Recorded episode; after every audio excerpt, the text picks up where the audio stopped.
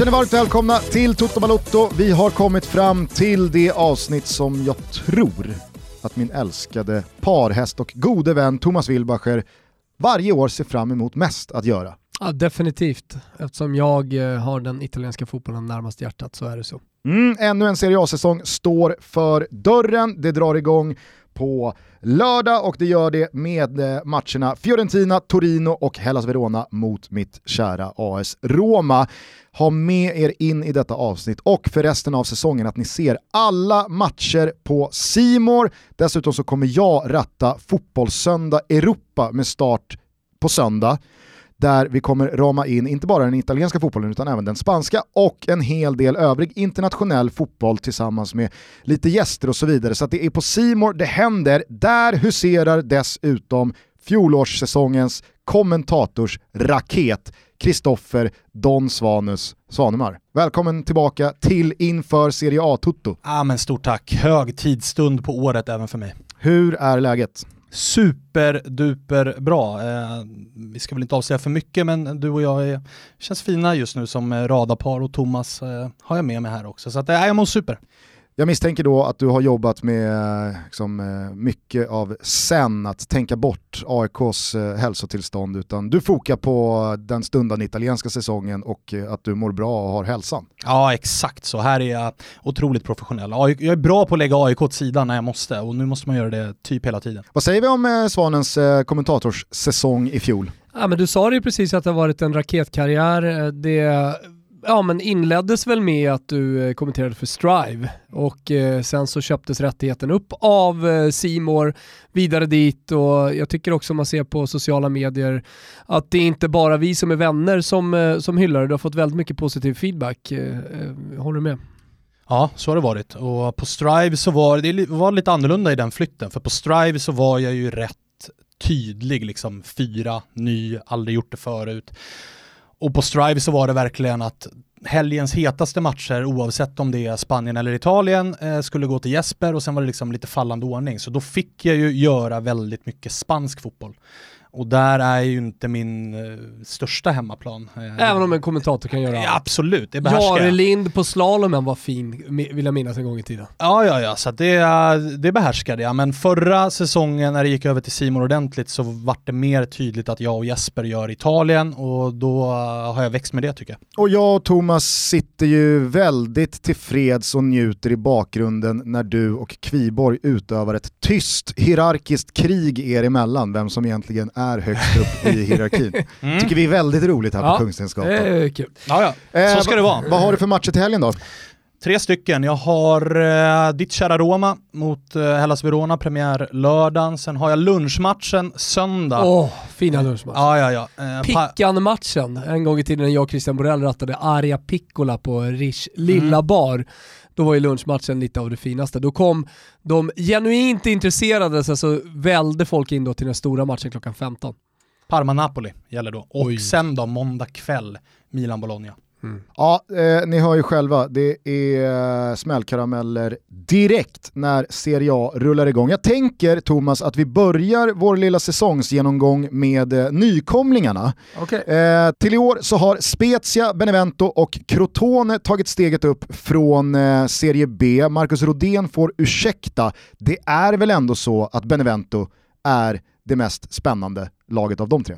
Jag ja, tänker jag, Filippo Inzaghi exakt. som tränare ja, men det, det, finns eh, flera olika anledningar till att man tycker att de är mest spännande. Nu kan jag gå igång på, kanske inte lika mycket Crotone, men i alla fall La Spezia som gör sin första Serie A-säsong någonsin.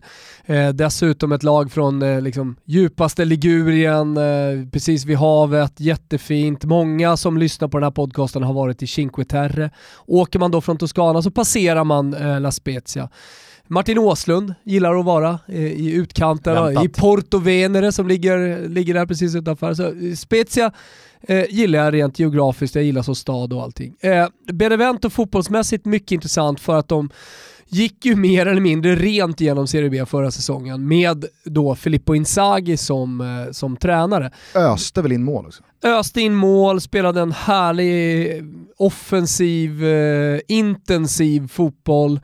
Eh, med spelare som inte nödvändigtvis var liksom de, de största namnen, inte med en sån här, ja, självklart en satsning i Serie B-mått mätt, men med det resultatet så, så måste man ändå säga att det var en exceptionell säsong och det gör ju också någonting med vad man tänker om Filippin Inzaghi som tränare. Börjar man backa bandet, kolla lite på om han var tidigare, om man då menar på att han misslyckades i Milan till exempel. Jo, men vad var det för Milan egentligen? Eh, ja, det var uppenbarligen inte det som Pioli hade. Eh, det är ett annat Milan idag. Och jag menar, där, där har det ju funnits andra tränare som man har avfärdat lite grann, som Gasperini, som ungdomstränare i, i Juventus och sen då till Inter och menar på att nej, men den där tränaren, han, han håller liksom inte i en stor klubb och så gör han det han gör i Atalanta. Man brukar ju också säga att man ska fare la gavetta i Italien, alltså man ska göra den långa mars, marschen och börja helst då i lägre divisionerna och visa att man faktiskt håller och visa att man kan, att man kan göra resultat. Max Allegri, ett tydligt exempel på sånt som gick via Sassuolo hela vägen upp i Serie A. Och då Filippo Inzaghi fick göra sin lilla gavetta med Benevento och ta upp dem till, till högsta divisionen. Det är väl ganska många från Inzaghis generation som har tränaruppdrag nere i kadettserien och, och gör hundåren. Ja, men om man kollar på den Milan-generationen så är ju Eh, Gattuso kanske då den som har kommit längst tillsammans med honom. Eh, han har brorsan Simone, eh, inte Milan då men ändå. Nästa håller väl på och gnuggar. Nästa äh, alltså det är väldigt, väldigt många från, om man kollar generationen, äh, där, som, som har gått eh, äh, Covercianos äh, eh, tränarkurs och gått ut med högsta betyg. Fabio Grosso och så vidare och så vidare. Så att, äh, det kommer upp en del tränare, men jag tycker att Filippo Inzaghi definitivt efter det, efter det han har gjort i, i äh, Benevento och det han har gjort med Benevento äh, ska nämnas som en av de mest intressanta tränarna. Tittar man igenom trupperna så tycker jag ju att Beneventos sticker ut namnmässigt ja, ja. Ja, med spelare man känner igen från, från Serie A, Kamil Glick, eh, Marco Sau, Lappadula och så vidare. Och så vidare. Ja, men det är ju spelare... De har ju alltså Christian Maggio, lillebror Insigne och fönstret de har gjort nu är ju bra. Lappadula nämner du, Glick nämner du, de har också plockat Caprari, alltså det är spelare som ändå tidigare har visat att de håller i Serie A. Så jag håller absolut med om att det är den mest spännande eh, nykomlingen, som jag dessutom tror tjänar väldigt mycket på att de var uppe för något år sedan åkte rätt ur, men jag tror de, har, eller jag tror de lärde sig mycket utav den sessionen och är väl del utav Crotone och, och Spezia är det de som är bäst rustade. Vad kan man förvänta sig av eh, Samuel Armenteros? Han är out. Han är out? Ja, han har inget kontrakt längre. Ha, så han är, han är kontraktslös? Han är kontraktslös. Yes. Ja, men det är därför han har nämnts eh, i diskussioner om vissa allsvenska klubbar. Mm. Att, eh, en spelare som då skulle kunna komma som free agent Uh, AIK har nämnts bland ja, annat, men definitivt. inte bara. Är det bara jag som har känslan kring Armenteros att sen han slog igenom så har han varit mellan två klubbar? Ja, i stort sett. Han har liksom inte haft en enda period där det är liksom nej, nej. leverans Lånades väl ut tid. ifrån Benevento till MLS och så och tillbaka. Och så Holland och... Ja. Rörigt. Sanslöst. Eh, Spezia och Crotone då? Är det, är det se och lära och eh, bottenstrid? Ja, det, det, är i alla fall eh, de förväntningarna man ska ha på dem. Eh, på tal om då tränare som kommer från den generationen som var Filippa Inzaghi så är Vincenzo Italiano som ni minns eh, tränare för La Spezia. Så att, eh, som sagt, det, det kommer mycket spelare underifrån här. Ska vi jobba La Spezia? La, Los Spezia heter staden, La Spezia laget. Det är precis som eh, alltså, alla eh, fotbollslag i stort sett skiftar ju genus Eh, från det staden heter. Okej, okay, så mm. La Spezia kommer vi jobba under säsongen här. Yes. Eh, men okej, okay, eh, har du någonting att säga emot nej, alltså, att vi ger Benevento nej. bäst möjligheter att undvika nedflyttning? Spezia och Crotone kommer brottas längst ja, ner. Ja, och tittar man på fönstren, tittar man på truppen som finns, fönstren som de har gjort så imponerar det inte särskilt mycket. Eh, så att eh, det är absolut, de ska åka ur. Sättet de går upp på, om vi pratar om att Benevento gick hela vägen upp, så fick ju verkligen Spezia kämpa i Serie B-kvalet eh, som är speciellt skulle man kunna ha ett eget program om för övrigt. Eh, men eh, de fick, de fick kriga och det var bortamål eh, tack vare bättre, eller inte bortamål, men bättre tabellplacering som i slutändan gjorde att de gick upp och lyckades ta sig vidare. Kollar man på anfallstrion så är det Mastino Galabinov, alla vi som har följt Serie B vet ju att Galabinov är klassisk Serie B-anfallare och Gyasi. Eh, kollar på mittfältet så har du Bartolomei Ricci Maggiore, alltså spelare som ingen har hört talas om tidigare som lyssnar på den här podcasten. Så att, eh, det, det, och det är inte så att man har gjort som eh, Benevento, det vill säga att man har värvat erfarenhet och faktiskt bra spelare. Jonita tycker jag att vi glömmer bort lite, en jättefin ja, mittfältare. Camille Glick nämnde du tidigare. Det är ju spelare som kommer in, inte spelare som har tagit upp eh, Benevento. Det är ju en värvning där, det är ju målvakten, Zoet. Ja. Sweaty från eh, PSV Eindhoven. Han har man ändå hört talas om. Det vet man ändå vad det är för för, eh, alltså man har sett han lite grann, football manager här och, där, här och där, men ja. i övrigt så är det ju det är okända namn rakt igenom egentligen. Ja, Mattiello eventuellt. Ja, men ja. Det, är så här, det, är, det, är inga, det är inga stora namn. Om vi går vidare till nästa kluster av lag då så tänker jag att vi eh, börjar i fjolårstabellen av de klassiska Serie A-lag som med nöd och näppe hängde kvar. Vi har ju två gånger lag från Genoa, Sampdoria och Genoa, Torino och Udinese. Det var inga säsonger i fjol som imponerade. Vilket eller vilka av de här fyra lagen förväntar ni er lyfter sig och eh, ja, huserar betydligt högre upp i tabellen under säsongen? Den är tuff, alltså de där två brukar ju, alltså det är sällan de är lika dåliga samma år. Det brukar alltid vara ett av lagen som är bra och då är det andra skit. Förra året var ju båda skit i stort sett hela tiden. Sampdoria hade ju enorma problem med att hitta Tränare, Genoa lika så. Alltså Ranieri, man visste vad man fick men det är inte Ranieri som ska lyfta Sampdoria till någon ny nivå. Det Ranieri mer... räddar ju kontrakt. Exakt, och det är inte den ambitionen Sampdoria ska ha den här säsongen. Så att, jag tycker Sampdoria ligger, ligger risigare till än vad Genoa gör. Eh, och sen är det ju mycket, alltså, och det kommer vi komma tillbaka till när vi pratar om andra klubbar, men det är mycket ägarstrul eh, som ställer till det. Framförallt för Genoa där jag tycker att truppen Genoa har bör vara betydligt högre upp. Men det är alltid massa skit runt tränarposten, runt sportchef, runt eh, president Preziosi som går ut och säger varannan vecka att han vill sälja klubben. Eh, och jag tror det påverkar väldigt mycket hur de, eh, hur de presterar. Och ingen av dem har heller gjort något så här anmärkningsvärt fönster. Och det gäller ju rent generellt i Italien. Det har varit rätt passivt än så länge. Ja men det börjar hända grejer Ja i alla fall, exakt, det börjar, börjar eskalera lite grann. Men, men mm. Eh, Nästan som har fått titta över trupperna när deadline day är över. Ja. Vi vet ju om också att de, de italienska lagen väntar väldigt länge för att de vill förhandla och få ner pris och det tar tid. Eh, med, med att värva nya spelare så att eh, det kommer nog hända en hel del långt in, långt in men hur länge håller 5 oktober. Det är 5 oktober även i Italien. Ja. Kommer, kommer hända grejer hela vägen fram. Jag såg eh, igår tisdag att eh, det började flashas kring Belotti till eh, Tottenham framförallt. Eh, och att han då är på väg bort igen. Eh, vad, vad, vad, läser du in i att Torinos stora namn och stora målskytt ryktas out. Är det att Torino lägger sig platt här och också ska slåss om ett kontrakt?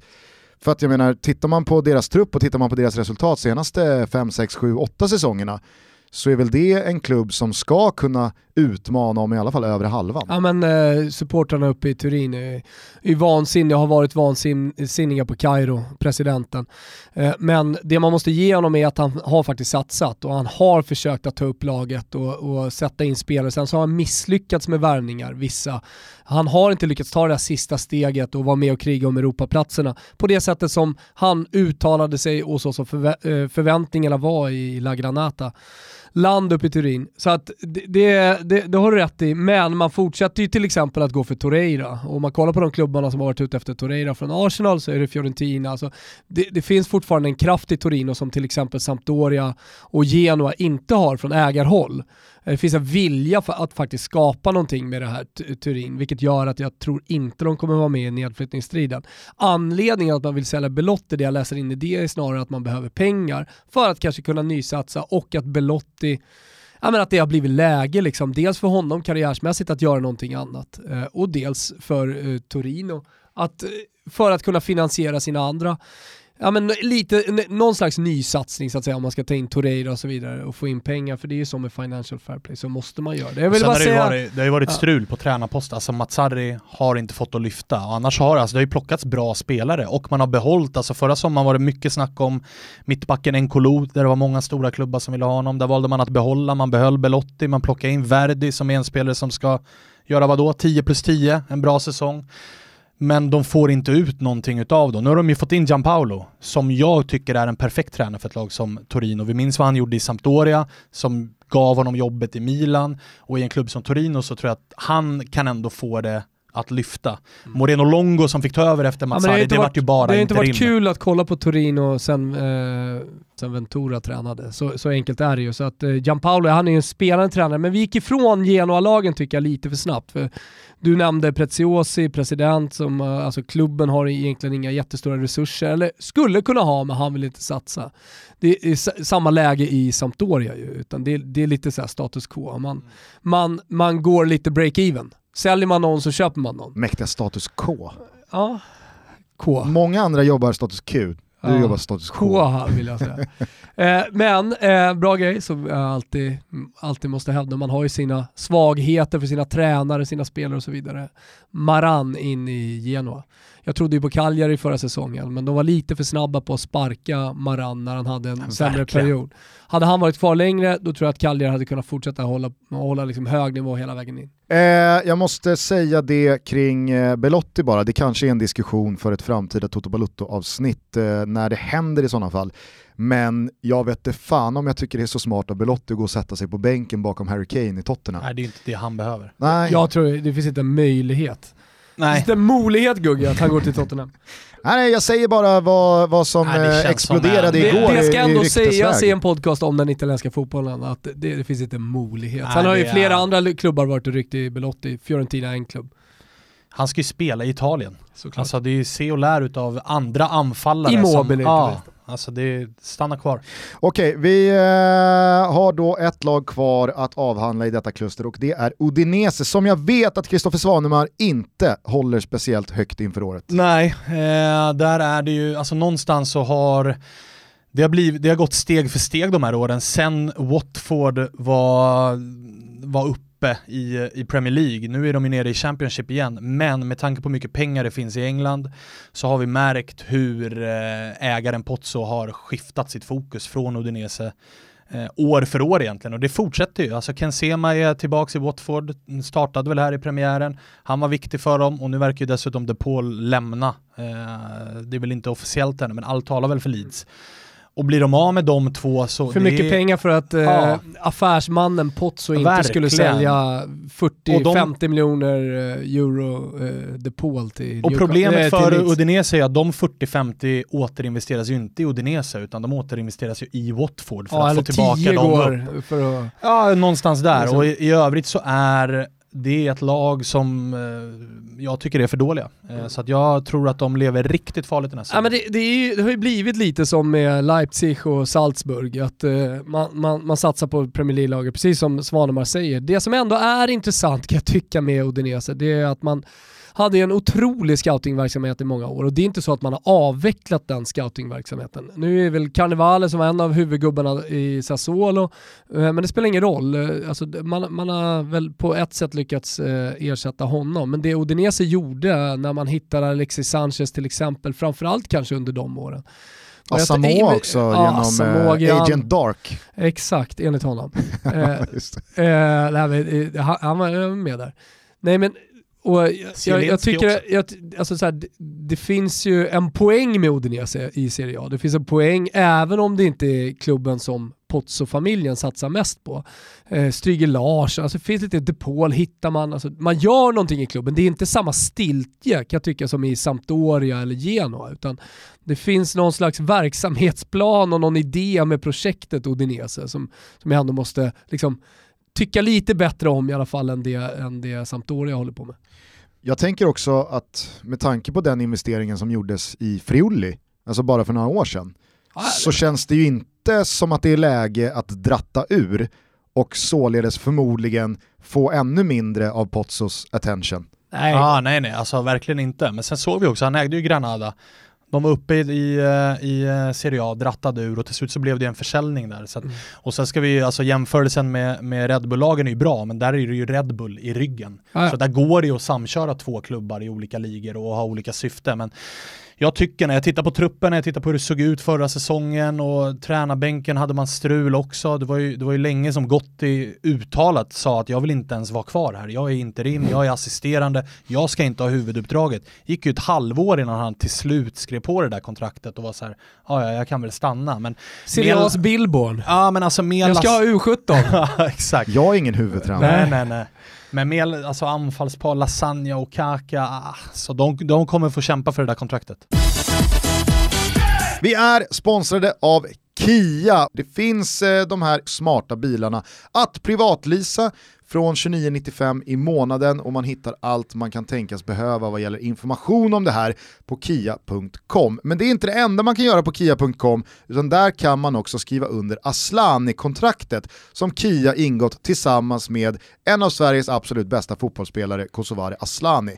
Mm. Thomas, vad är Aslani-kontraktet?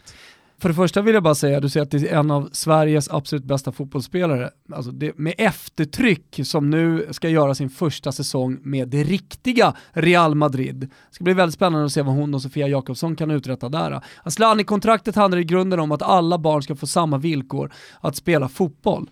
Man gör ingen skillnad. Och i grunden så är det en hållbar framtid eh, där alla barn får spela fotboll på lika villkor och där så många som möjligt kan ställa om till laddbara bilar. Du förstår mixen här va Gusten, det är liksom eh, det är win-win. Därför har de engagerat sig i barnfotbollen nu mer än någonsin tillsammans med fantastiska Kosse. Kia och Kosse tänker på framtiden, det är bara att rygga dem, säger jag. Ja men vi, Toto Balotto, tänker på framtiden. Kia, ja de tänker fasen på framtiden. Och Kosse, hon är framtiden. Kia.com, där hittar ni allt om detta. Vi säger stort tack till Kia för att ni är med och möjliggör Toto Balotto. Stort, stort tack. Det fanns ju ett mittenskikt eh, av fjolårstabellen bestående av lag som jag i alla fall upplevde lite som att det var varken eh, hackat eller malet. Eh, det fanns väldigt mycket motivation som tröt under corona-sommaren. Jag tycker att Sassuolo var det laget som tyckte det var kul att spela fotboll och tog mm. sina poäng och drog ifrån. De slutade ju faktiskt åtta på 51 pinnar inspelade. Men lag som Hellas och Parma och Cagliari, det var ju lag som de visste att nej, det kommer inte bli några Europaplatser, men vi är så gott som klara så att vi kan lika gärna spela av den här sommaren. Men av lagen Cagliari, Bologna, Parma, Hellas och Sassuolo då, vilka lag eh, tycker ni är mest intressant att stanna till vidare? Jag tror väl att Hellas kommer få det tufft. Eh, de har ju tappat mycket, tappat till eh, Sofian Amrabat, till Viola, tappat... Mäktiga Kumbulla till Roma! Ja exakt, Kumbulla till Roma, Rahmani till Napoli. Alltså det är bärande spelare som gjorde succé förra året som de har tappat. Eh, och inte, eller vi vet inte, de, de kanske har ersatt dem med några nya doldisar, det har man ingen aning om. Men, men det kommer bli ett tufft år tror jag. Det kommer inte bli lika bra, det kommer inte vara, alltså, Hellas var ett lag som stundtals kunde spela jämnt och, och, äga boll och dominera mot Juventus och Napoli på bortaplan. Så jag tror de kommer få det tuffare. Ja, och eh, kollar man på de eh, spelare som ryktas in så är det ju inga jättestora namn och då är det som du säger, då gäller det att man prickar rätt och det är många gånger de här provinslagen liksom får rätt något år, ett par år, får in cash, men man får in kontinuitet i den eh, värvningsstrategin. Och ja men så här, Vlahovic från eh, Fiorentina, Amione, eh, Sabelli från Brescia, alltså det är den typen av värvningar som just nu ryktas in. Eh, Sätt in på högerbacken, Tamese kommer in och liksom ska spela centralt mittfält. Återigen spelare som man eh, inte känner till sedan tidigare. Amrabat, uh, vilken lirare. Han var så den bra största, i fjol och tappade det. Liksom. Den det. största förändringen utav de här, var Parma med i det här klustret mm. av lag? Där, mm. där är det den stora förändringen, för de gör ju en ganska tydlig riktningsförändring när de byter tränare. Mm.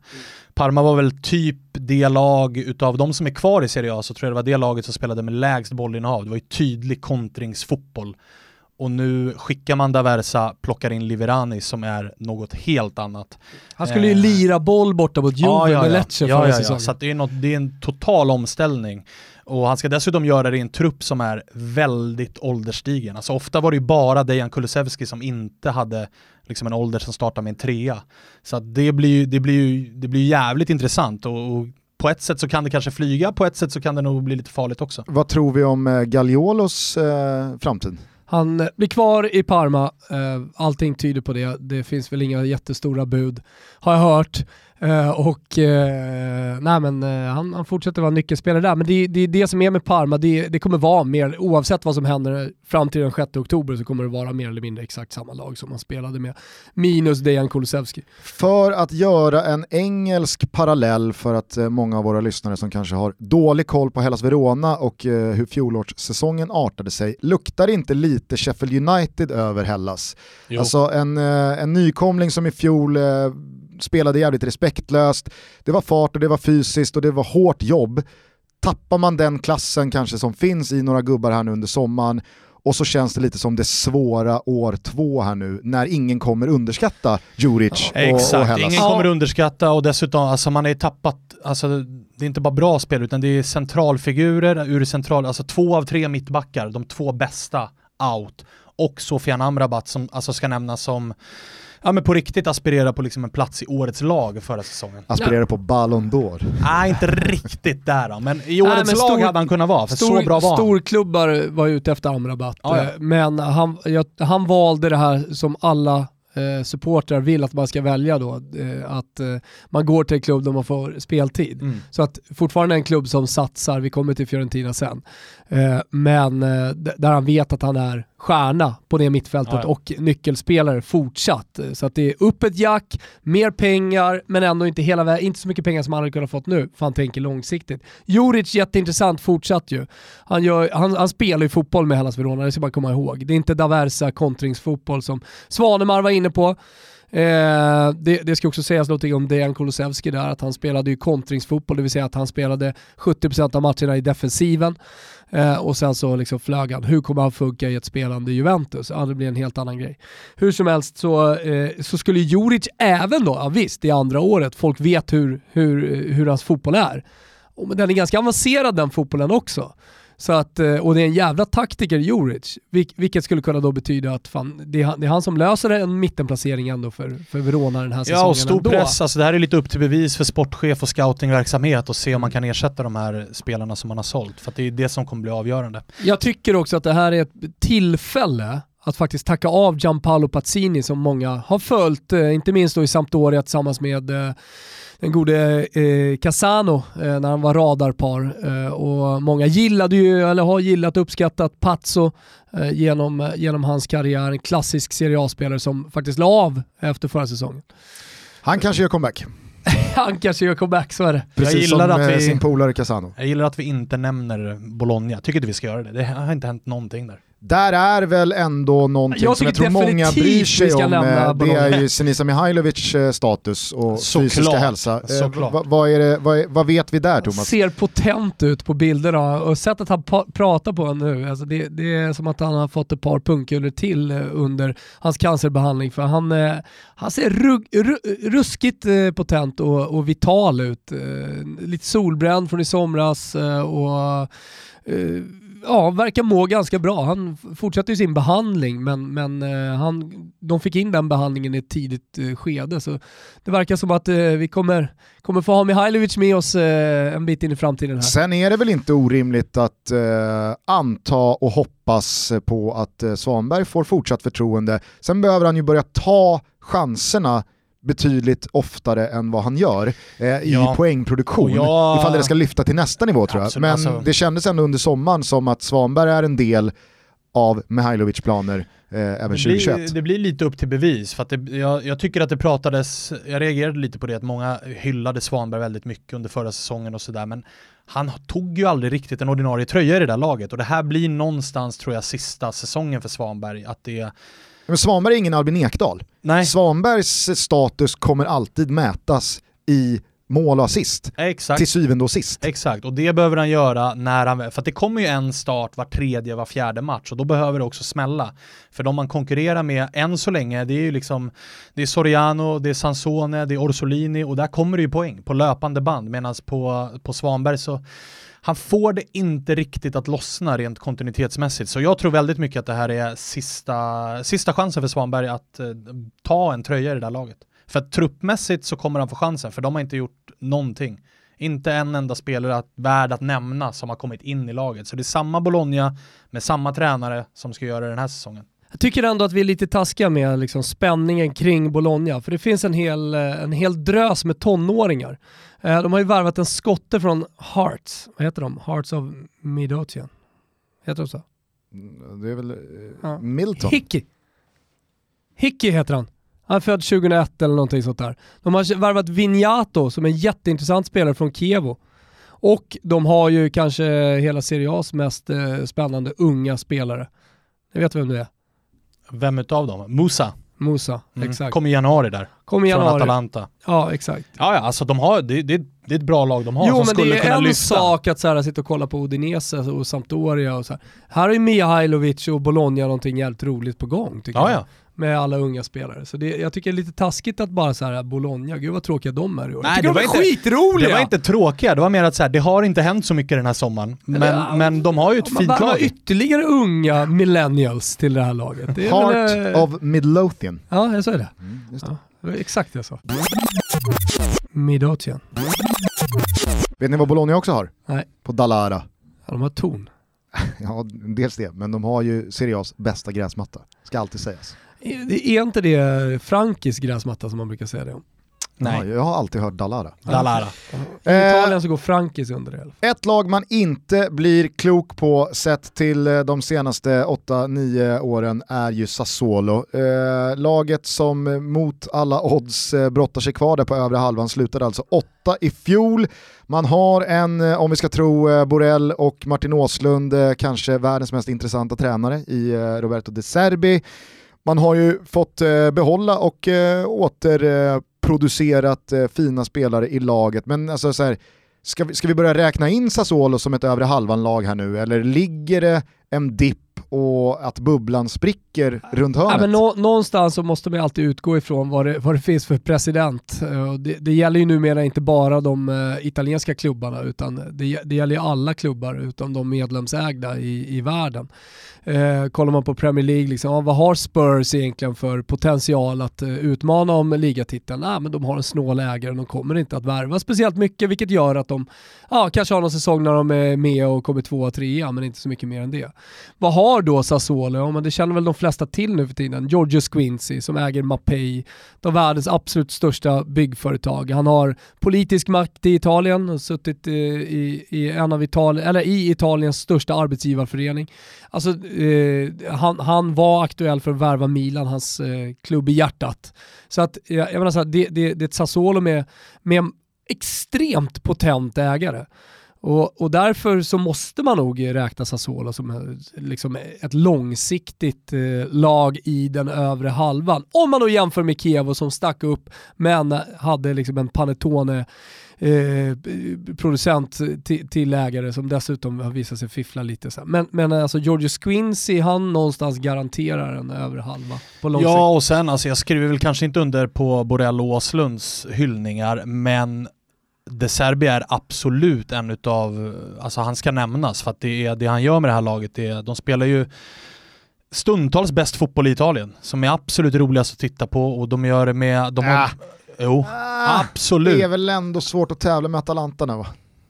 De är där uppe, okej efter Atalanta så är de där. Efter Atalanta så är det Sassuolo som spelar roligast fotboll. får man nästan inte, alltså så här, det, är, det är som De man tävlan. ligatitel De i Italien de senaste Svan, tio Svanen, åren. Svanen köpte in sig för mycket på Gnaget i Atalanta så att Ja, har liksom, han har Gnag- tappat- Gnaget Ja, har sänkt Atalantas Ah, ja. attraktionsvärde. Ja, ja, jag tycker inte så Atalanta är kul längre. Nej. Eh, nej men de, alltså de, när de väl eh, spelar bra, vilket de ofta gör, så får de ofta till det och de har dessutom många, många spelare som skulle kunna vara på en mycket högre nivå. Eh, alltså offensivt förra året, det var den trion där uppe med eh, Berardi, Boga, Caputo. Den var stundtals helt otrolig att titta på. Och även när de under januari så tänkte man att nu kommer de sjunka lite grann. De sålde Duncan som gjorde till Fiorentina som gjorde mycket poäng första under höstsäsongen. Flög på lika bra ändå. Eh, Locatelli har tagit eh, nya steg, fick debutera med landslaget nu och gör det riktigt bra. Eh, ytterbackarna, nu köpte man loss den här Lyko Giannis som har gjort det jättebra på vänsterbacken. Till höger har de haft Antoljan på lån ifrån Dortmund, så de är också bra på att hitta ja, men såna här spelare som man knappt eh, har hört talas om och som går in i Serie A i övre halvan och är hur fina som helst. Och trion där framme är intakt va? Den är intakt. Ja men det, och det, man måste ju förankra än det. så länge. Båga ryktas ju vara på väg bort, men än så länge så är han kvar. Båga är jättebra spelare, men, men det måste ju verkligen förankras här. Va- Varför, kan de här, varför är Berardi, varför är han kvar i Sassuolo? Jo men han får jättebra lön. Ja. Alltså man har en potent ägare sa jag tidigare, jo men det finns också pengar i Sassuolo som gör att man kan behålla de här spelarna. Locatelli nämner du som debuterar i landslaget. Eh, kanske inte många som tänker att det, det är en superbra spelare men, men, men eh, han kommer ju ändå fram i Milan och har ju varit en, ett namn på allas läppar liksom under många år som en, som en talangfull spelare, men, men varför får man eventuellt håll, behålla Båga, vilket Hellas Verona garanterat inte hade fått göra? Jo, för att man, man erbjuder ändå ganska mycket pengar. Mm. Och det, alltså så här, det är inte slutdestination för Båga att komma till Sassuolo, men det är i alla fall eh, liksom en, en, en, destination som varar lite längre än i många andra klubbar. Han behöver ju inte akut liksom leta nytt jobb efter en bra, ett bra år, utan han kan få bra pröjs där också och där är han given stjärna. Så att, du gör eh, som Thomas och räknar med Sassuolo på övre halvan yes, i år igen. Yes, mm. yes. Eh, vi ska börja närma oss de eh, stora drakarna, men först bara, Cagliari gjorde ju en fenomenal höst i fjol. Eh, Joao Pedro, han gick oerhört starkt eh, målproduktionsmässigt. Eh, vad kan vi förvänta oss av eh, Sardiniens stolthet i år? Kan man få hämta hem lite Cagliari då? Att, eh, nu, nu räckte det inte hela vägen fram till en åttonde placering eh, som jag hade tippat, men eh, det, det, det, var ändå, det fanns någonting eh, som verkligen flög i, i sarderna förra säsongen. Framförallt hösten, och det var ju då Nainggolan spelade. Mm. Sen vart det ju mycket skador och skit och då eh, sjönk de ju. Det är ju problemet med Radja Nainggolan och speciellt när han kommer till, eh, till Sardinien och låt oss säga då varvar ner karriären lite. Att då varvar han också ner träningsmängden lite och han lever ju verkligen som en stjärna. Som en, som en liksom dåtida stjärna skulle jag vilja säga. Mm. Så som man minns brassarna en gång i tiden med, med Adriano i, i spetsen inte minst. Då. Det, det röks det partas och det åks till diskon direkt efter förlustmatcher. Han, han, han borde verkligen komma hem till Roma.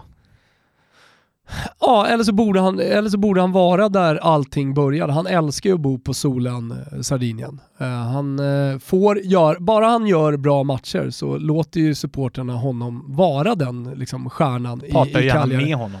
Och, och man är nöjda med att liksom, Radja Nainggolan fan gör ändå 20 riktigt, riktigt bra matcher skillnad för Cagliari förra mm. säsongen skulle jag mm. vilja säga. Och det räcker. Di Francesco har kommit in istället för Walter Tenga. Ja. Vad förväntar du dig eh, resultatmässigt? Knappast topp 8 igen va? Nej, kanske inte. Vi får se vad man får in här på slutet. Eh, man, man väntar ju... väl in Nainggolan? Ja. fortfarande. Alltså ja. Han är ju tillbaka i Inter, men där ska han ju inte vara. Nej, exakt. Man hoppas väl på att få honom med de andra klubbar som rycker igenom. Eventuellt skulle han kunna göra en Miami-grej till exempel. Eh, casha in ytterligare då Nainggolan. Men han trivs väldigt bra på Sardinien. Jag ska säga att det kommer spelas offensiv fotboll i alla fall. För alla oss som känner Di Francesco så är det 4-3-3 som gäller. Man har Giovanni Simeone kvar som ändå är en decent eh, provins eh, målgörare. Jao Pedro nämnde du, man har de här klassiska spelarna som man vet alltid vad man får av dem. Pavoletti, eh, du får några röda, du får några baljer. Förhoppningsvis ingen knäskada, men Pavoletti är en bra spelare. Nandes och Rogg på mitten. Ja, men mm. Du som har kommenterat Cagliari mycket den här säsongen. Alltså det är ju slitvargar, men med ganska fina fötter också. Det är ju, det är Super Walter Birsa? Han gör inte många minuter den här säsongen heller. De har ju plockat in någon som lovordas, som jag aldrig har sett i Marin från Ajax, mm. eh, som är central mittfältare och som väl är lite grann så här, kommer inte Radja så är det han som kommer spela centralt, för de har väl släppt Chigarini nu också. Ja, han gick till Crotone. Ja, så att det saknas ju, för när Nainggolan var out så var det ju ofta Chigarini som spelade i den rollen, så där ska väl någonstans Marin in och spela tillsammans då med Rogo Nandes. Om de får behålla Nandes, för det rycks ju väldigt mycket i honom också. Uh, men i övrigt så, alltså det är ett lag som absolut ska, de ska inte vara nära någon nedflyttning. Nej. Vi är denna vecka sponsrade av A Days March. Mm. Bor man i Stockholm så tycker jag att man gör rätt i att besöka deras butik på Kungsgatan. Ja. Annars så är adaysmarch.com ett annat hett bud. Ja, det är väl egentligen det bästa eftersom vi liksom når ut till hela Sverige. Just nu också butiken på Kungsgatan på nummer 9 eftersom de håller på att bygga om. Det ska bli en ny fräsch butik på deras ordinarie adress. Hur som helst, jäkligt mycket snygga grejer nu. Mycket snygga höstjackor. Och sen kommer man inte ifrån att deras overshirts är som klippt och skurna för den här tiden på året. Vi säger stort tack till A Days March för att ni är med och möjliggör Toto Balutto. Och vi glömmer inte, självklart ska ni få en rabatt också, eller hur Gusten? Alla som, som lyssnar på, ja, precis, alla som lyssnar på Toto. Det är just nu 15% med koden TOTO. Bra. Generösa A Days March. Alltid generösa. Eh, med det sagt då så kan vi väl eh, lag för lag då, bland de eh, lite större, eh, ta oss till Fiorentina. Beppe Jacquini kvar, kepsen eh, står där på, på sidan. Och, eh, Maurizio Sarri han eh, ligger och jäser och väntar på att samtalet ska komma. Jacchini får sparken i november. Det verkar vara eh, samstämmig eh, kör som sjunger att eh, Fio har gjort ett jävla bra fönster och mm. att man går in i den här säsongen som ett betydligt starkare lag än eh, tidigare. Ja, men nu har, vi, nu har vi pratat mycket om potentialen eller eh, icke-potentialen i olika klubbar från sportslig ledning då upp till president. I Fiorentina eh, så påminner vi om att eh, Rocco Comisso kom in förra, förra året, italoamerikanare med mycket pengar. Sportcentret är redan på väg att bygga det som Prandelli ville ha, som skulle ge Fiorentina 8 poäng mer varje säsong. Eh, bygger man i Bagno Ripoli kommer bli fint och akademin kommer höjas och allt sånt där. Hur som helst, Beppe Jacchini kvar, det gillar supporterna. Han är ju gammal krigare på mittfältet i Viola. Eh, men frågan är vilken höjd han har. Eh, det är det. Mm. Eh, för att eh, nu, nu måste det här Fiorentina-laget med de värvningarna faktiskt lyfta. Och eh, ja, det finns en del frågetecken. Jag skulle vilja, eftersom jag liksom är så nära Viola så vill jag ändå höra lite objektivt från Svanemar hur du ser på sommaren. Så. Jag tyckte det var ett kaxigt fönster man gjorde. Alltså satsningen inför den här säsongen inleddes ju redan i januari. Eh, när man plockade mm, Kouame ifrån Genoa som där och då var korsbandsskadad. Vilket ju är en jävligt märklig Alltså Fiorentina låg ju inte superbra till i januari utan det var snarare så här, Men vi måste en långsiktig värvning? Ja, en långsiktig värvning som nu ska vara hel och redo för den här säsongen var ju ja, superfin i... Ja, han fick ju debutera tack vare att det sköts upp. Annars hade han ju varit out hela, mm.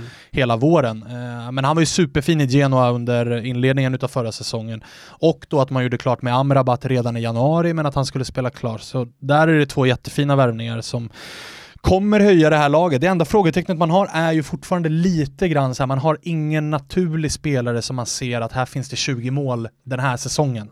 Eh, och det har man ju letat efter. Alltså man lånade hem, eh, vad heter han, Cutrone. Mm sådär. Aj, Dusan Vlahovic, det är inte 20 baljer den här säsongen i alla fall, utan kanske ett lån snarare. Men det är lite sådär Fiorentina, de, eh, de har ju velat satsa på sina akademispelare, Dusan Vlahovic som har varit den eh, största stjärnan i Primavera-lag och sådär sedan tidigare. Det, nu vill Hellas Verona ha honom, hur, hur mycket ska man satsa på sin egna talang? Man vill ju så gärna, och han har ju haft höjder under förra säsongen när man ser att det är en liten Zlatan-gubbe, han är lång, stor, ändå ganska snabb, bra avslut, ja, men det räcker inte till. Hur mycket tålamod ska man ge en sån spelare nu när man förväntar sig resultat? Kan inte Jack Bonaventura komma att bli en väldigt, väldigt nyttig värvning. Ja, men jag tror verkligen det. Uh, jag menar, må många kan peka på ålder eller vad man nu vill göra, kanske inte var en nyckelspelare förra säsongen för Milan. Men hamnar han inte helt perfekt i jo. Fiorentina här nu? Jo. Bredvid Amrabat uh, och hej, vi har Castrovilli där, var väl ett av de stora, eh, vad ska jag säga, stjärnskotten förra säsongen. Letade sig rätt in i Mancinis eh, italienska landslagstrupp och Jo men det finns mycket, alltså, vi ska ju inte glömma, alltså, Baby Viola brukar ju folk eh, snacka om och det här laget är väl kanske det laget som har störst potential i Italien att klättra flest pinnhål på bara en säsong om man får rätt utväxling på, för att vi har så Pulgar, jättefin mittfältare, vi har Milenkovic där bak som är fin, vi har inte ens nämnt Kesa ännu, så att det finns ju spelare som är under 25 allihopa, men som verkligen har potential att slå, och mm. slå dem samtidigt, då kan man vara och nosa ganska högt upp. Och där har Gazettan första sida idag då, att Milenkovic på väg till Milan, eh, Chiesa är ju rebus eh, nu i italienska tidningarna. Vad händer egentligen? Vad vill Rocco Comisso? Eller hur mycket man hur mycket man beredda på att liksom betala priset på att behålla honom eh, rent ekonomiskt. Vad är, rimligt vad, att, vad är rimligt att förvänta sig av Frank Ribéry? Ja, det är en bra fråga. Nu var han skadad eh, mycket förra säsongen, men jag tycker ändå när han har spelat... Alltså när han var fit under hösten? Ja. Brutal. Alltså. Brutal. Och han är också en ledare. Han, han har ju i intervjuer och liksom sitt sätt att vara i Florens verkligen liksom utstrålat en spelare med motivation och vilja göra någonting. Ingen som så här, typ Radja Nainggolan på Sardinien då, eh, som vill varva ner lite och bara kliver in och är stjärna, utan tar jobbet och, och, och vill, ham- vill komma i bra fysisk form. Han har ju inte heller varit festprissen, han är familjefar lite mer. Numera med det här fönstret då in mind, man har inte bytt tränare och man har liksom eh, en, en ägare på plats sedan ett drygt år tillbaka. Ska man ställa krav på Fiorentina att ta en Europaplats. Jag tycker att man ska ställa krav på att man ska vara med och slåss om den här Europaplatsen hela vägen in i maj. Det tycker jag definitivt att man ska göra. Alltså, det är mittfältet man har, säg att man ställer upp med Amrabat, Bonaventura och eh, Castrovilli. Det, det, det, det, är så jävla potentiellt sett jävla bra att både Castrovilli och Amrabat redan nästa säsong säljs för liksom 40-50 miljoner euro. Så, så det, är till stora klubbar. Så ja, det, det som du säger, det är, vem gör målen? Eh, det, ja, och sen är det ju tränare, hur mycket, hur, ja, vilken höjd har Jakini ja. och i sådana fall så står alltså, det är klart att det lockar att se Sarri, vad han kan göra mm. med den här typen av trupp. Vad händer, med, vad händer med Chiesa? Går han, blir han kvar? Om han blir kvar, han måste göra mer poäng. Kan, mm. han, kan han ta nästa steg i Fiorentina och göra det? Så att, eh, det, det, är väl det. Det är målen som man, som man saknar lite. Det finns frågetecken i Florens, det finns också frågetecken i Neapel. Napoli hade en eh, extremt händelserik fjolårssäsong med fullskalig kris i ja. vintras. Eh, det, det, var, det, var, det, var så, det var så nära inbördeskrig i en fotbollsklubb, jag i alla fall, har alltså... upplevt, alltså pur eh, klubben. Det är sällan man läser ordet myteri och fotbollsklubb i samma. Det är väl Pirates of the Caribbean man har hört talas om det ordet i stort sett. Så att, ja, det, det var absolut krig och någonstans måste vi väl slå Tintin. fast. Ja, men vi måste väl slå fast någonstans att Napoli ska inte ha en tränare som är lugn och fin och behärskad och har kostym utan det blir en, det blir, det blir en krock där. Alltså det är Napolis två bästa tränare senaste 20 åren. Det är Walter Mazzarri och Maurizio Sarri. Det är två dårar. Och sen har man försökt med Rafa Benitez och Carlo Ancelotti och det har skitit sig rätt ut. Så att, Fortsätt med de här dårarna, Gattuso. Ja, Ancelotti lämnade för Everton, Gennaro Gattuso kom in, det var kanske inte den eh, mest eh, underhållande och frejdiga Napoli-fotboll man sett spelat senaste decenniet, men det slutade i alla fall med en kupptitel och eh, säkrat Europaspel även den här säsongen. Stort, stort tapp i Callejon och mm. det är ju inte bara att en spelare lämnar, det är att man bryter upp en trio. Ja. Eh, vad, vad, är annars värt att nämna kring Napolis in och ut?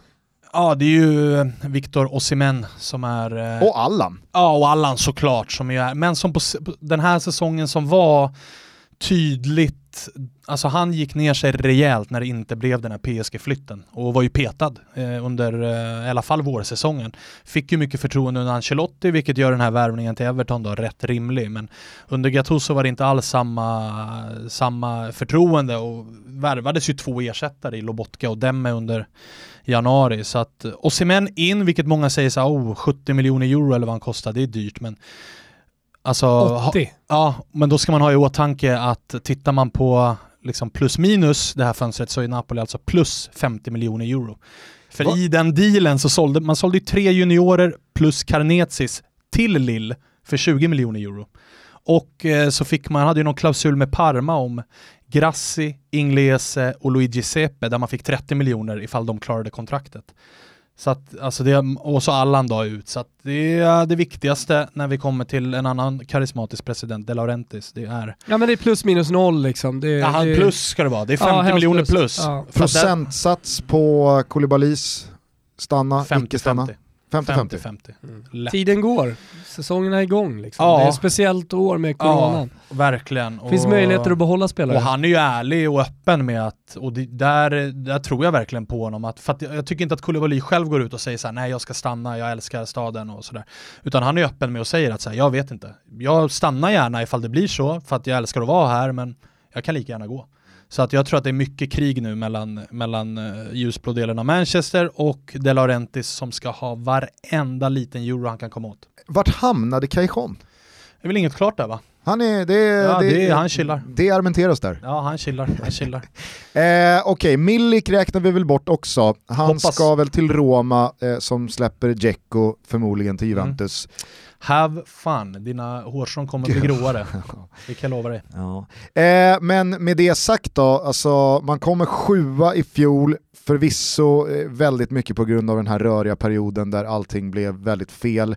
Med Gattuso på plats från start, vad, vad, vad har du för förväntningar på Napoli den här säsongen? Utmana om topp fyra. Det är väl någonstans där, alltså truppen är tillräckligt bra. Eh, man har fått in en ordentlig striker som jag har ganska stora förväntningar på. Mm. Eh, Napoli brukar vara bra, bortsett Milik då. Eh, men där är det också svårt, alltså det är dubbla korsbandsskador i två, alltså i båda, en i varje knä. Det är svårt att säga hur bra hade han kunnat bli. Eh, så att eh, jag har stora förväntningar på Semen och det är väl egentligen den, liksom, den riktiga pusselbiten. Vill man vara, vill man vara riktig så här lyxlirare så hade det gärna behövts en ny vänsterback för Mario Rui är inte toppklass. Men på målvaktsposten ser det bra ut, man har det bra ställt i mittlåset, högerbacken i Giovanni Di Lorenzo är given, inne mittfältet ser bra ut med Zielinski och Fabian Ruiz. Så jag tycker att alla pusselbitar finns på plats för att vara med på allvar och utmana och jag tycker nog ändå att att Gattuso får än så länge lite för mycket så här frågetecken runt sig. Jag tycker att det han gjorde i Milan, det var det Milan hade i sig. Milan, vad kom de? Sexa under Gattuso? Och tittar du på den truppen, den ska inte vara högre upp. Nu kommer han till Napoli, tar en kupptitel och helt plötsligt så börjar spelare Alltså spelare i laget hyllar honom verkligen som en så här... Men de spelar ju för honom. Ja, exakt. Och jag tror att Napoli som klubb och stad och allt vad det innebär mår bra av att ha en sån tränare som dels är från södra Italien och fattar, men också som är en, alltså en dåre liksom. Eh, Petagna, vad, vad drar vi i mållinan? Vad, vad är godkänt? Vad är skamgräns? Det beror på hur mycket Osimhen spelar för att jag tror inte de spelar speciellt mycket ihop. Nej, de kommer nog inte spela så mycket samtidigt, men... Men jag tänker oavsett Milik eller Osimhen in, så värvades ju Petagna med en tanke. Ja, alltså... ja. och det är nog att vara rätt tydlig tvåa. Eh, och jag har ju hellre Petagna som tvåa än Milik som tvåa. Jag skriver under på den. Framförallt som Milik eh, har ju kanske också en annan eh, tanke kring sin framtid än vad Ja. Petagna har. Alltså Och Petagna annan- är nog gärna två i, i, i Napoli. det Milik är en har ju- slutdestination medan Milik har ett EM att tänka på nästa, nästa ja, år. och det är två och- olika självbilder. Alltså Petagna, han kommer ju kriga varenda sekund om han så får 10 minuter. Mm. Medan Milik kommer in och är missnöjd om han får kvarten. Petagna mår inte dåligt efter att ha avgjort någon tidig kuppmatch Nej, och dagen efter får gå ut på Neapels Nej, gator nej, och ta en nej. kaffe. Och... Och som han har pumpat ut bilder på Instagram nu när han är på plats. Alltså han är på varenda, varenda lite turistfälla han och tar bilder. Så att han, är, han är nog nöjd med livet just nu. Eh, vi tar oss till, eh, kanske ur ett svenskt perspektiv, eh, det största utropstecknet i fjol, i alla fall under våren och sommaren. Milan går in i den här säsongen med den evigt unge Zlatan Ibrahimovic längst fram. Det blev ingen Ralf Rangnick, utan Pioli är kvar och rattar bygget. Thomas, eh, vart, vart har vi egentligen Milan? Är inte känslan att eh, det är en för stor hype? Jag vet det fan alltså. Sätter de, sätter de Milenkovic också, och så har man Tonali och så har man Ibra och så kollar man på den sommaren man gjorde. Är det inte, är det inte ett Milan som ska vara med och slåss om topp tre då? Alltså, är, det, det är är, det, är det att hypa?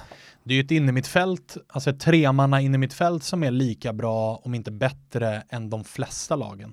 Alltså med eh, Kessi, med Benazer och med Tonali. Det är, jag ser inte jättemånga som slår det. Eh, och innermittfält vinner mycket matcher. Sen är frågan om Pioli behåller sitt 4-2-3-1 och i sådana fall petar en av de tre. Eller om man då switchar om till typ 4-3-1-2 och spelar med Chalanoglu som tia och så Zlatan och Rebic, eller hur det nu blir. Men värvningen utav Tonali sänder ju rejäla signaler om att Milan ska tillbaka. Ja, och det är väl det som kanske är den stora skillnaden mot Milan som varit väldigt mycket måndag hela veckan, tycker jag, de senaste 5-6 åren. Det har varit bra fönster mest hela tiden, har det låtit, och sen så har säsongen artat sig och så har det varit ett lag som ska vara sexa, sjua, för Men de är gillar- inte bättre. Men nu har det plockats in lite spelare som faktiskt kanske är Ja, men jag, jag, gillar också, jag gillar också att man eh, eh, ser till att Rebic är kvar, eh, man ser till att eh, Donnarumma är kvar. Det har alltid, varenda fönstret var, fönster varit snack om att Donnarumma ska vidare. Eh, nu, nu verkar han se en karriär i Milan, han verkar tro på projektet och det tror jag också är en stor grej med Milan, att de spelarna som faktiskt är där, de tror på det här. Chalanoglu, han trodde inte heller på det innan Ibrahimovic kom in. Alltså Rebic gjorde det definitivt inte. Eh, jag tror, jag tror så att det kanske är det största som eh, Zlatan Ibrahimovic har gjort när han kommit. Att fan, är du här då spelar du för en av världens största klubbar. Då ska du fan visa stolthet varenda jävla gång du går ut på San Ja, Siros men det, har ju varit, det har ju varit en ledarfråga. Alltså, dels har man haft för svag tränare och utanför, eller på planen så har man inte haft någon ledare. Det har ju varit bra spelare, alltså Sosa har ju bevisat i andra klubbar att han kan ju spela fotboll. Och, och den här portugisiska anfallaren de hade, han, kan ju, han har ju visat att han kan ösa in mål. Men det är ju ingen som har tagit liksom fanan och gått längst fram. Och där har ju Zlatan fått med sig, ja med Rebic som har blivit blivit en spelare som ändå visar pannben. Theo Hernandez jo, ja, tycker jag alltså, också har visat. Liksom, och, att, och att man behåller de här spelarna. Ja. Alltså jag tycker dessutom att man så behåller Kjär, och då kan man tycka vad man, vad man vill om Simon Kjär. Men så här, det här laget ska vara intakt. Vi har byggt någonting och sen så ska vi plussa på det. Vilka spelare som har varit bra? Men det är Rebic, det är Chalanoglu, det är Kjär och så vidare. Ibrahimovic, bara att man förlänger med honom det är också fundamentalt i, i, i liksom att bygga ett Milan som faktiskt kan vara med och slåss om titlar i en förlängning. För att han ser till att mentaliteten är på plats. Noterade alldeles nyligen också vem man har plockat in som backup till Donnarumma. Har du sett det? Ja, jag såg eh, att, att man tog Tata Rosano. Visst. Just det, just det, från Lyon. Ja, det är inte dåligt att ha som backup. Nej, det är eh, bättre än brorsan. Ja. Sexa i fjol efter en otrolig run post eh, coronan. Eh, nu ska man eh, spela Europa League. Hur tror ni man ser på den turneringen? Alltså, har det... man tagit den då? Förra året tog man ju också Europa League-platsen men hoppade ju av. Nej men det kommer man inte alltså... göra nu. Nej alltså nu, nu kommer man gå in och man kommer ta det på fullaste allvar till en viss gräns. Är det så att man, vad vet jag, är och slåss om någonting eh, någon gång i, i vår, ja men då kommer man definitivt att satsa på ligan då.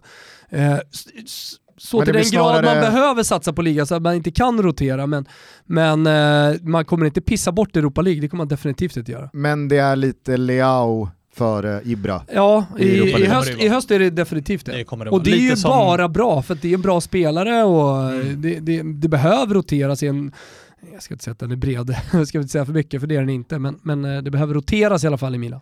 Thomas säger eh, fullt rimligt med topp tre, säger du emot? Nej. Okej, okay. då kan vi ta oss till huvudstaden då, där vi har Lazio och Roma. Fram till och med corona så var ju Lazio det stora, stora utropstecknet rent resultatmässigt. Eh, det var ju, tycker jag, ganska så tydligt att se vinnare och förlorare eh, när säsongen blev som den blev. Lazio gick in i ett eh, titelrace med Juventus och Inter som båda skulle spela Europacup-fotboll. Lazio hade fulltankad eh, bensintank redo att spela en match i veckan och gå all in ligan.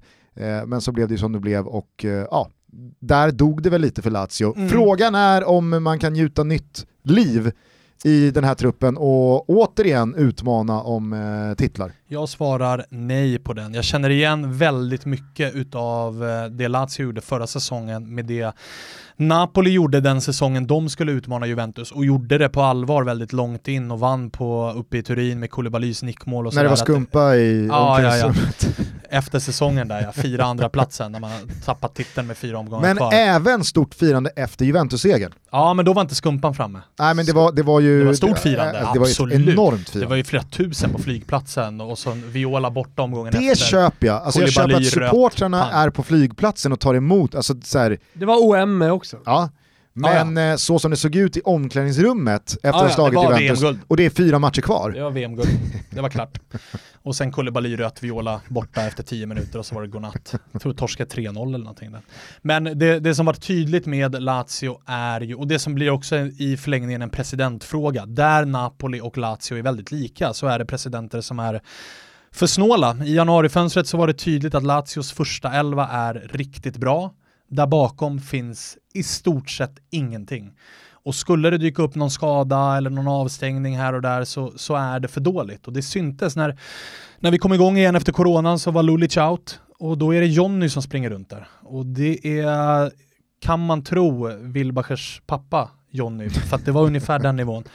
Eh, och sen alltså där uppe, det, Han det har ett bra skott. Ja men alltså det, det, är få spelare som, som kan hoppa in och täcka. Eh, när Leiva är borta då är det Parolo som är 36, alltså det, det är för dåligt. Och när Immobile inte har dagen så är det Caicedo. Ja, alltså... det går ju inte. Nej. Alltså det är ju för dåligt. Och precis som i eh, Napolis fall med De Laurentiis så är ju Lotito också en president där, där egentligen all, de flesta andra presidenter har som Squincy Sassuolo, han har en business där han gör enorma pengar och så skjuter han in dem i klubben.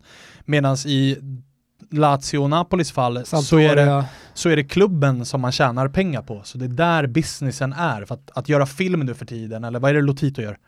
Han, har, han, Han är signat massa, det är fastighetsaffärer och så vidare. Man kan ju prata om var han kommer ifrån, det var Men säkerhetsbransch. det, det viktigaste är logistik. att alltså, pengar tjänas på klubben genom försäljningar. Här ska det inte spenderas för att vinna titlar. Vilket då eh, rimligen antyder att Lazio kommer ha, till skillnad då från Milan, större fokus på Champions League-spelet än vad man kanske har absolut. för eh, att hänga med i toppen av Serie A-tabellen. Får eh, Lotito välja så absolut. Och det syns ju på det här sommarfönstret också. Alltså alla kunde se att Lazio orkar inte en sån här säsong. Eh, och det här sommarfönstret, man har inte breddat någonting egentligen. Känns också som att luften gick ur Iglitare efter David Silva U-svängen till Ja. eh, Real Sociedad. Mm. Man jag, tänkte jag har ju inte i sett, början... jag, jag har knappt sett ett enda större namn ryktas till Lazio som ska in i Champions League. Nej, de plockade väl någon anfallare nu från Fenerbahce som man är Ja, men helt jag, tycker, jag, att tycker ändå, jag tycker ändå att det är intressant, Vedat Moriki, eh, som är, eh, spelar i, i Kosovos landslag eh, men har turkiskt med, medborgarskap också. Han har ändå gjort 17 och plus 15 mål eh, i, Ja, ja. i tur, turkiska högsta ligan i Fenerbahce, varit stor stjärna där. Ja, ja, alltså det är, ju säkert en bra typiskt värvning. Men Lazio att sätta den värvningen. definitivt, Alltså. men för att det ska lyfta det här laget och de ska vara med igen och utmana så Det, behöver alltså, det är de kunna ha Moriki kanske som Nej men det. de behöver ha in fem, sex gubbar, för det behöver vara två spelare på varje position där det är bra. Där man Eller, så, Alla- eller så här, vill Lazio ens vara, alltså så här, Ja. att vara med och slåss om topp 4, ta Champions League-platser lite Spurs-aktigt, alltså så här, det, det kanske räcker, det räcker uppenbarligen för Lotito för att göra Precis. business. Ja men då är det väl där vi ska ha förväntningar att se dem. Mm. Absolut inte slåss om titeln. Alla turkar får ursäkta, men det kanske är värt att påminna om att Alexander Sörlott gick från Crystal Palace och Premier Leagues sämsta anfallare till att vinna skytteligan i Super League. Så att Ja. Det, Det snackades om Burak Yilmaz i tio raka säsonger och vad jag vet så har det inte flugit än. Exakt. Så att, eh, ja, Vi, får, väl se. Vi får väl se. Men Johan det är, Elmander gick till Galla och spottade in mål. Ja, så ja, ja, Ändå åtta baljor på 23 matcher i Kosovo. ja, ja, absolut. Väl fyra mot Färöarna och fyra mot. Okej, Färöarna gör man fan inte mål på. Då låter det ändå som att eh, eran sammantagna förväntning på Lazio är att man nog absolut inte kommer upprepa någon titelstrid eh, framåt vårkanten. Eh, men att man eh, har ett lag som ska vara strax där bakom. Alltså får de behålla, får de ha sin startelva intakt så är det ju en riktigt vass startelva. Alltså Milinkovic, Savic och Luis Alberto, det är två av de bästa innermittfältarna i Serie A. Immobile, han kommer göra sina 20 plus mål, så det är klart att de kommer vara med där uppe, men jag tror inte att vi kommer få se samma samma höjd och samma titelstrid som det var i fjol. Framförallt inte, i fjol vaskade man ju Europa League. Nu kommer man också satsa på Champions League och jag tror inte den här truppen orkar. Eh, vad gäller eh, stadsrivalen Roma då, så var det ju kanske inte lika tydlig... Eh, Så roligt är det, får man mest, mest från Åslund. Snyggt jobbat. Med vad? Jaha, vad då? Ja, så var det träningen då. Det är så typiskt Åslund, bara kommer in och så, snyggt jobbat. Jaha, vad fan har jag gjort nu då? Din första tanke där är ju, hur har jag upprört honom nu? Ja, Tack vi, Thomas. Vad vi, har jag vi har en ton med varandra på Twitter och en helt annan på MES. Vad har jag sagt? Det jag skulle säga kring Roma var i alla fall att det var inte, det var, det var inte en lika tydlig soppatorsk, men det var en tank som vecka efter vecka, månad efter månad tog slut även i Roma. Eh, det, det, det kändes som att säsongen aldrig riktigt tog fart och när Sagnolo drar korsbandet för första gången, ja, men, då försvann liksom Ja. det sista av hoppet om att det kan bli något bra den här säsongen. Vi satt här inför omstarten av Europa League och sa nej, man har nog inte så mycket att hämta mot ett Sevilla som är minst en klass bättre. Och med tanke på den startelva man ställer på benen här mot Cagliari i genrepet, med det fönstret man gör, visst Kumbulla är bra, kan man sätta Småling, ja då, då börjar det väl se okej ut i, i backlinjen, men Dzeko out, Milik in, det tycker jag också är en försvagning. Sagnolo med en ny korsbandsskada.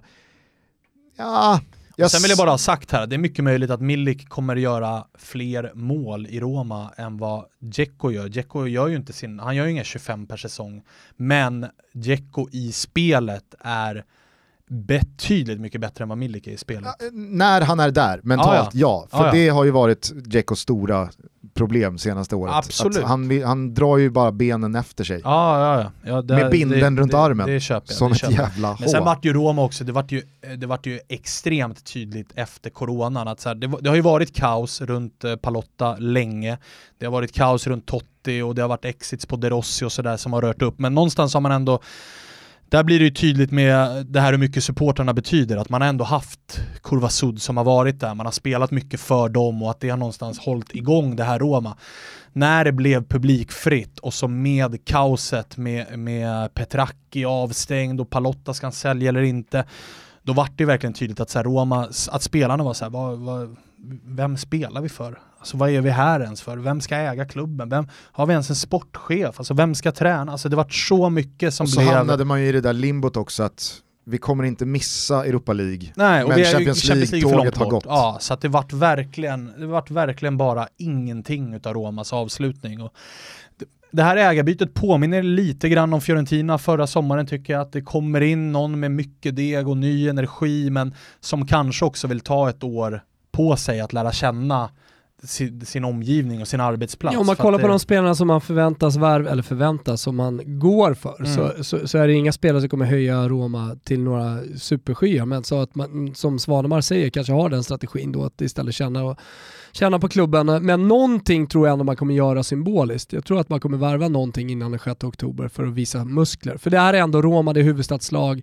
Eh, Det är någonting lite mer än Fiorentina och då behöver man också göra någonting lite mer. Ribéry tycker jag ändå var, det var en sån symbolisk Ja. värvning eh, som Fiorentina-supporterna behövde. Man behöver ge någonting till supporterna. det är Pedro Milik. är ju på plats. Ja, jag vet. Sen tror inte jag att Pedro kommer vara så här askall i, i Roma, men, men han kommer inte heller lyfta dem. Men någonting tror jag Roma har på gång med Friedkin. Det är en potent ägare i sluta, slutändan. Jag tror att eh, Roma i alla fall är på väg in i en positiv period nu, om man ser lite långsiktigt. Så Ja, jag och det jag, tycker är, det, det jag tycker är positivt och det som känns optimistiskt men framförallt seriöst det är att Friedkin kommer in här och börjar i änden av att genomlysa vad är dödkött, vad är fel, det ska bort först snarare än att man kommer och det första man gör är att fylla upp truppen med 5, 6, 7 gubbar till. Ja, det. Alltså det, det tycker jag ändå signalerar ett sundare övertagande än att nu kommer jag in här och så är det en ny sheriff i stan och så ska det vara pang på direkt.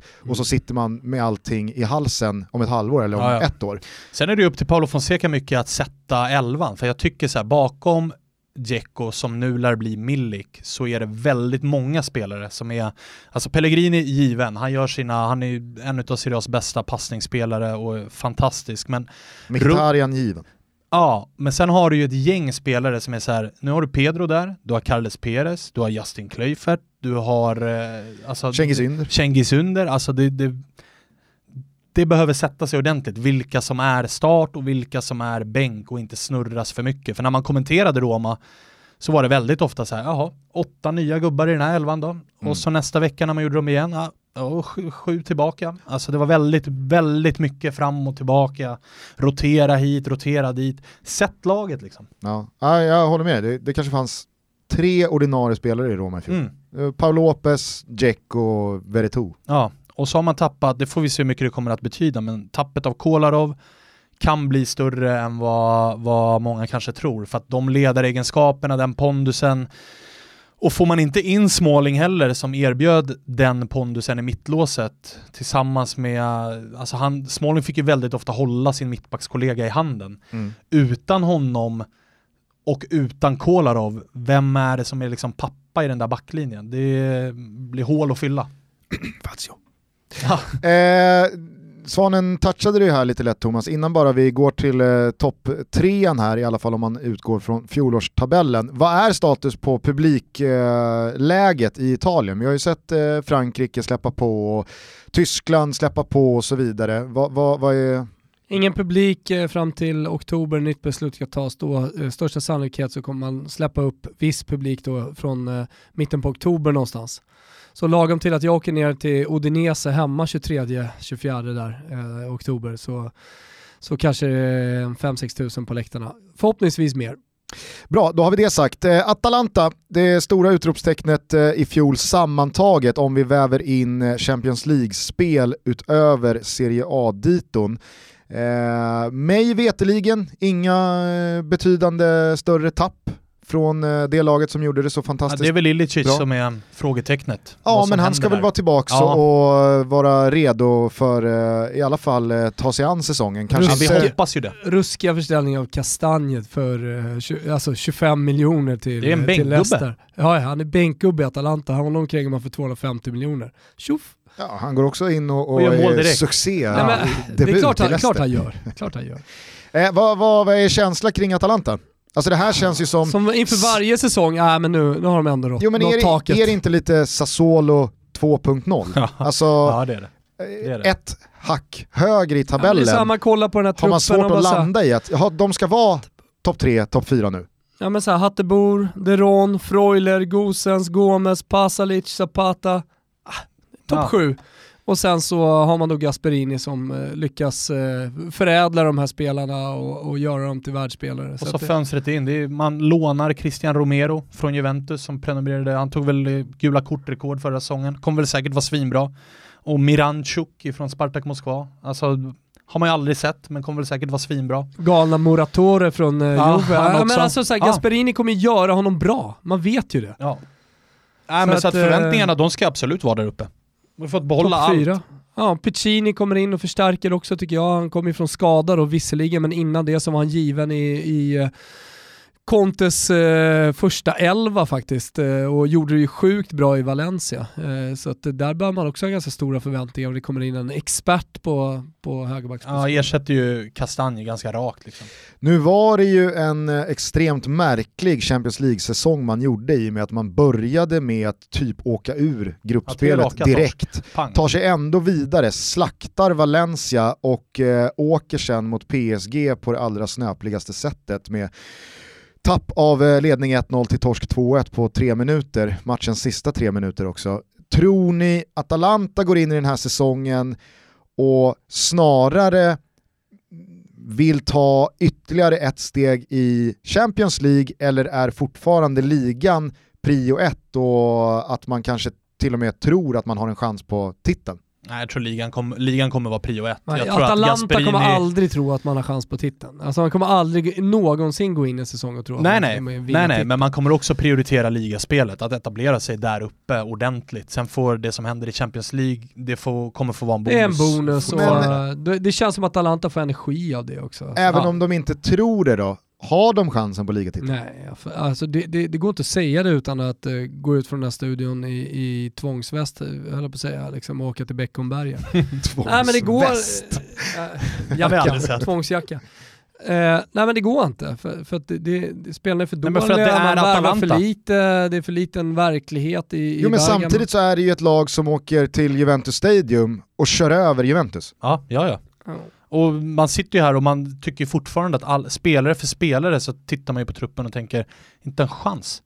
Men sen när man ser dem spela så, så Mm. man får ju lära sig att Atalanta just nu är att räkna med, men det är fortfarande Atalanta. Ja, men eh, Därför kan de inte och sen vinna. måste man nog säga att eh, man, man, man, man kan inte tro annat än att de slog i taket förra säsongen. Okej. Eh, jag vet inte, jag sitter och fnular på här live om jag ska skicka iväg ett mail till våra vänner på Betsson och bara be dem boosta eh, Atalanta eh, att vinna. Okej. Som en singel bara. Mm. Eh, vi ska återkomma till våra eh, Toto-tripplar, eh, hur vi tänker långsiktigt inför säsongen. Men först Inter. Antonio Conte blir kvar och det var ju den stora följetongen eh, under sommaren. Eh, dessutom så har det varit väldigt mycket snack om Lautaro Martinez vara eller icke vara. Barca, Real Madrid dök upp här in från Ja. vänster i dagarna, men är ju fortsatt en Interspelare. Och eh, ja, jag vet inte vad du säger Thomas, men förväntade du dig fler smällkarameller in i fönstret från Inters sida? Eller eh, Ja, det, ser du truppen och tänker ja men de har ju egentligen allt på plats? ja, jag kollar och läser eh, Gazzetta dello Sport eh, som ändå är den tidningen som följer Hakimi ska ju sägas är ju en jättebra värvning. Det är en jättebra värvning, inledde också med eh, träningsmatch eh, igår va? Eh, I förrgår var det och eh, gjorde det jävligt bra. Lautaro Martinez spelade han gjorde två mål också ska jag säga. Så att han är ju, han är ju faktiskt fortfarande inte spelare, det ser ut som att han blir kvar. Om inget sjukt jävla bud kommer från någon av de här två stora drakarna. Men det är Arturo Vidal och det är fortfarande N'Golo Kanté som är de stora namnen som är på väg in. Eh, samtidigt som man, jag, jag, jag, tror att Inter kommer vara ganska aktiva under de kommande tre veckorna innan fönstret stänger. Man pratar om sju spelare som eh, ska ut, Godin, Jauma, eh, Mario, eh, Vesino, Kandreva, Samoa, Dalbert och Brozovic. Eh, och även om alla kanske inte kommer lämna så är det ändå flyttrykten kring dem. Och så vill man då in Arturo Vidal och N'Golo Kanté och sen så några andra spelare som Emerson Palmieri från eh, Chelsea va?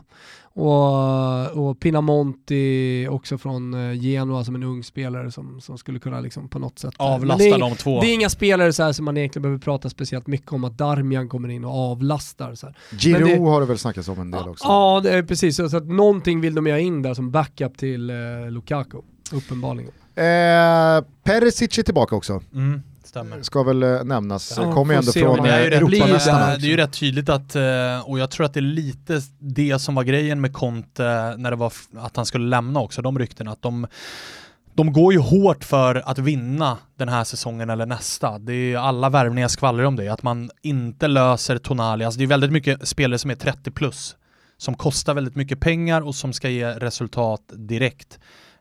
det är väl Hakimi Barella som är liksom som har värvat förra året och det här året som är av den yngre. Men annars så var det, vi såg det ju med Ashley Young, Victor Moses, alltså Alexis Sanchez, Christian Eriksen. Christian Eriksen, det är många spelare som man inte kommer få särskilt mycket betalt för utan som man ska vinna titlar med. Så att det är en ganska riskabelt spel utav Conte för att gör man den här typen av värvningar och är det de här, typen, de här spelartyperna man kräver så måste det också landa i titlar. Med tanke på att man har spelat med Dambrosio, nu har han gjort det jävligt bra ska sägas utifrån sin talang och sin, sina förutsättningar. Det är väl men, den mest maximerade karriären? Ja Absolut. men det måste det nog vara. Från det att vi tog ära och heder av honom när han stod och, och friade till frugan på Piazza Duomo i, i Milano. Det kändes som att han hade checkat ut totalt och tjänade 4,5 miljoner netto per år i, i eurosedlar. Så, så har, har man fått ut maximalt av honom, helt klart. Men att man får in Hakimi på den positionen, det, det, det är nog en större Liksom, det är ett större nyförvärv än många tror. Ja, det är ändå 40 miljoner Absolut. Och säga vad man vill om, om uh, Kolarov, men det är Biragi som har sprungit runt där ja. lite till vänster. Så det är klart att det också är ett steg uppåt. Och det är mycket som är ett steg uppåt, men det är också väldigt, väldigt kortsiktigt tänk utav Inter. Så att det vill till att de, att de vinner. Och det tror ju du Thomas? Eh, ja, jag tror att Inter tar det i år. Jag tror på Conte. Jag tror det är dags för honom att vinna en titel. Alltså, eh, man ser fotboll, eh, fotbollen eh, som cykler och sådär. Så tycker jag verkligen att eh, det är dags för eh, Antonio Conte att göra och vinna en titel. Så att jag, jag, och, så här, jag tycker Juventus startar som favorit, oddsfavoriter ska vara rätt. Men väger man in eh, magkänsla och sånt där i det så, så om, man, om folk vill lyssna på magkänsla, min magkänsla, så, så säger jag att Inter tar det här. Jag trodde ju verkligen att Inter skulle ta det när man sumpade hemma mot ett roterat Barca i sista gruppspelsmatchen i Champions League och då inte gå vidare till åttondelsfinal. Då tänkte jag, nu kommer, Inter, in, ja, nu kommer inte Inter tappa Se. många poäng till i ligaspelet härifrån och in. Nej. De kommer bli för svårfångade. Men det var ju en jävligt märklig vår, inte bara med coronan i åtanke, utan Contes utspel och det som kändes, men vad, vad, vad då att han ska lämna? Alltså... Ja det var extremt märkligt och frågan är om inte det bara var ett spel då, att sätta press och så att det kommer in eh, de spelare han vill ha här. Och jag tror också att eh, Inter vinner i år. Jag mm. tycker att det är mycket som, som pekar på det, del och framförallt med tanke på hur eh, Juventus ser ut. Ja. Jag tror att det kommer bli extremt, extremt tight i slutändan. Eh, den, den här säsongen får vi ett titelrace hela vägen in, kanske till och med sista omgången. Eh, så att det, det är små marginaler som kommer jag avgöra i slutändan. Och då misstänker jag att ni eh, precis lika mycket som i Inters titeloptimerade trupp väger in då i alla fall frågetecknena kring de regerande mästarna Juventus. Andrea Pirlo slog ner som en bomb efter fem dagar på posten som Primavera-tränare eh, som då ersättare till Maurizio Sarri som fick eh, ta sitt pick och pack och lämna efter uttåget mot Lyon i Champions League. Eh, vad va, va, va är er största take på Pirlo in? Är det osäkerheten eller är det liksom peppen eller är det... Kombinationen av allt kanske kan jag tycka. Att det är väldigt olikt Juventus. Ja det är olikt men det är också i tiden att storklubbar värvar eh, före detta spelare och, mm. och, så har det slagit väl ut. Så jag är helt övertygad om att man tittar på en Zidane-lösning här och att men man då... tror att Pirlo, som gick ut då från Covercianos tränarkurs med, med högsta betyg och... Det gjorde även Mohamed Kalon ska sägas. ja, jo, så att... Bara så att vi har med oss det. Men han, samma, finest. han har inte samma aura kanske nej, och, nej. och, samma, samma bakgrund som spelare. Nej, så att, eh, och, och kollar man på nyförvärven så är det sådär, man kan inte göra speciellt mycket när man redan har en av eh, två av världens bästa spelare i truppen. Alltså såhär, vad, vad, vad ska du göra? Jo, Arthur, jättebra. Jag tror att det passar perfekt också i Pillos 4-3-3. Snarare än eh, en, Eh, Pjanic då som lämnar för Barca. Eh, Kulusevski kommer in, ja, det är, om man tar bort svenskheten och att vi älskar honom och önskar honom allting gott så är det en ung spelare som har gjort det bra i Parma så här långt. Jag tror jättemycket på honom. Men det är ingen färdig mästare som går in eh, och, och, garanterar någonting i, i Juventus. Behöver han göra det? Nej, kanske inte. När man sitter på de spelarna, alltså man har alltså Dybala och Ronaldo framåt. Ja, ja, och det är så det som det, talar emot det, Inter. Exakt. Det är det. det. Alltså, tittar och man annars... så kan man väl slå fast att det ska in en ersättare för Iguain. Ja, ja det är absolut. Är och frågan är vad det, vad det ser ut att bli. Ja men Dzeko säger ju alla. Ja, men nu, tittar man idag. på, alltså dels det finns ju olikheter i, jag håller med om att det är rätt i tiden, men i alla andra den här typen av eh, alltså så här gammal storspelare Lampard, som ska in, ja. så har de ändå gjort någon form av jobb innan. Eh, det kan vara i, i liksom, som Zidane som var i Castillan i vadå, tre, fyra år. Var assisterande tre, fyra år, men det är ändå någonting. Pirlo har fem dagars erfarenhet. Så jag tror inte jag Castillan gav honom någonting. Alltså han kunde kunna kliva på direkt. Ja men assjobbet i Real Madrid i en, två säsonger, ja. det har ändå gett honom någonting, det vill jag tro. Eh, tror ni Zidane minns Eromarkarna? Nej, det tror jag inte. Det tror jag inte. Den är fortfarande så sjuk. Hur mycket fick AIK? 20 millar va? 20, 25. 25. Ja, 25 miljoner. Den är helt otrolig. Men sen så tycker jag också, tittar man på Inters trupp och så här, tänkt startelva så ser jag fler spelare där som den här säsongen ska vara i sin peak än vad jag ser i Juventus startelva. Alltså någon gång så ska det dippa för Ronaldo. Och ja, han gör sina, vad är det, 35 han slutar på förra säsongen 34, men det är näst, alltså det är en tredjedel som är på straff. Och det kommer att börja gå ut för där och sen så i den där backlinjen, alltså Bonucci, Chiellini, det kommer också börja gå ut för där. Ytterbackarna, jag tycker inte att det är absoluta högsta klass hela tiden. Utan jag tycker Juventus kom undan väldigt ofta förra säsongen. Det var många matcher där de inte såg bra ut men lyckades vinna ändå. Eh, Medan Conte då andra året får lite mer sina spelare, det är fler spelare som bör vara liksom pika karriärsbästa. Så att jag tycker att, och som i Pirlo då, så, så tycker jag att det är mycket som talar för att Inter faktiskt tar den där scudetton i år. Mm.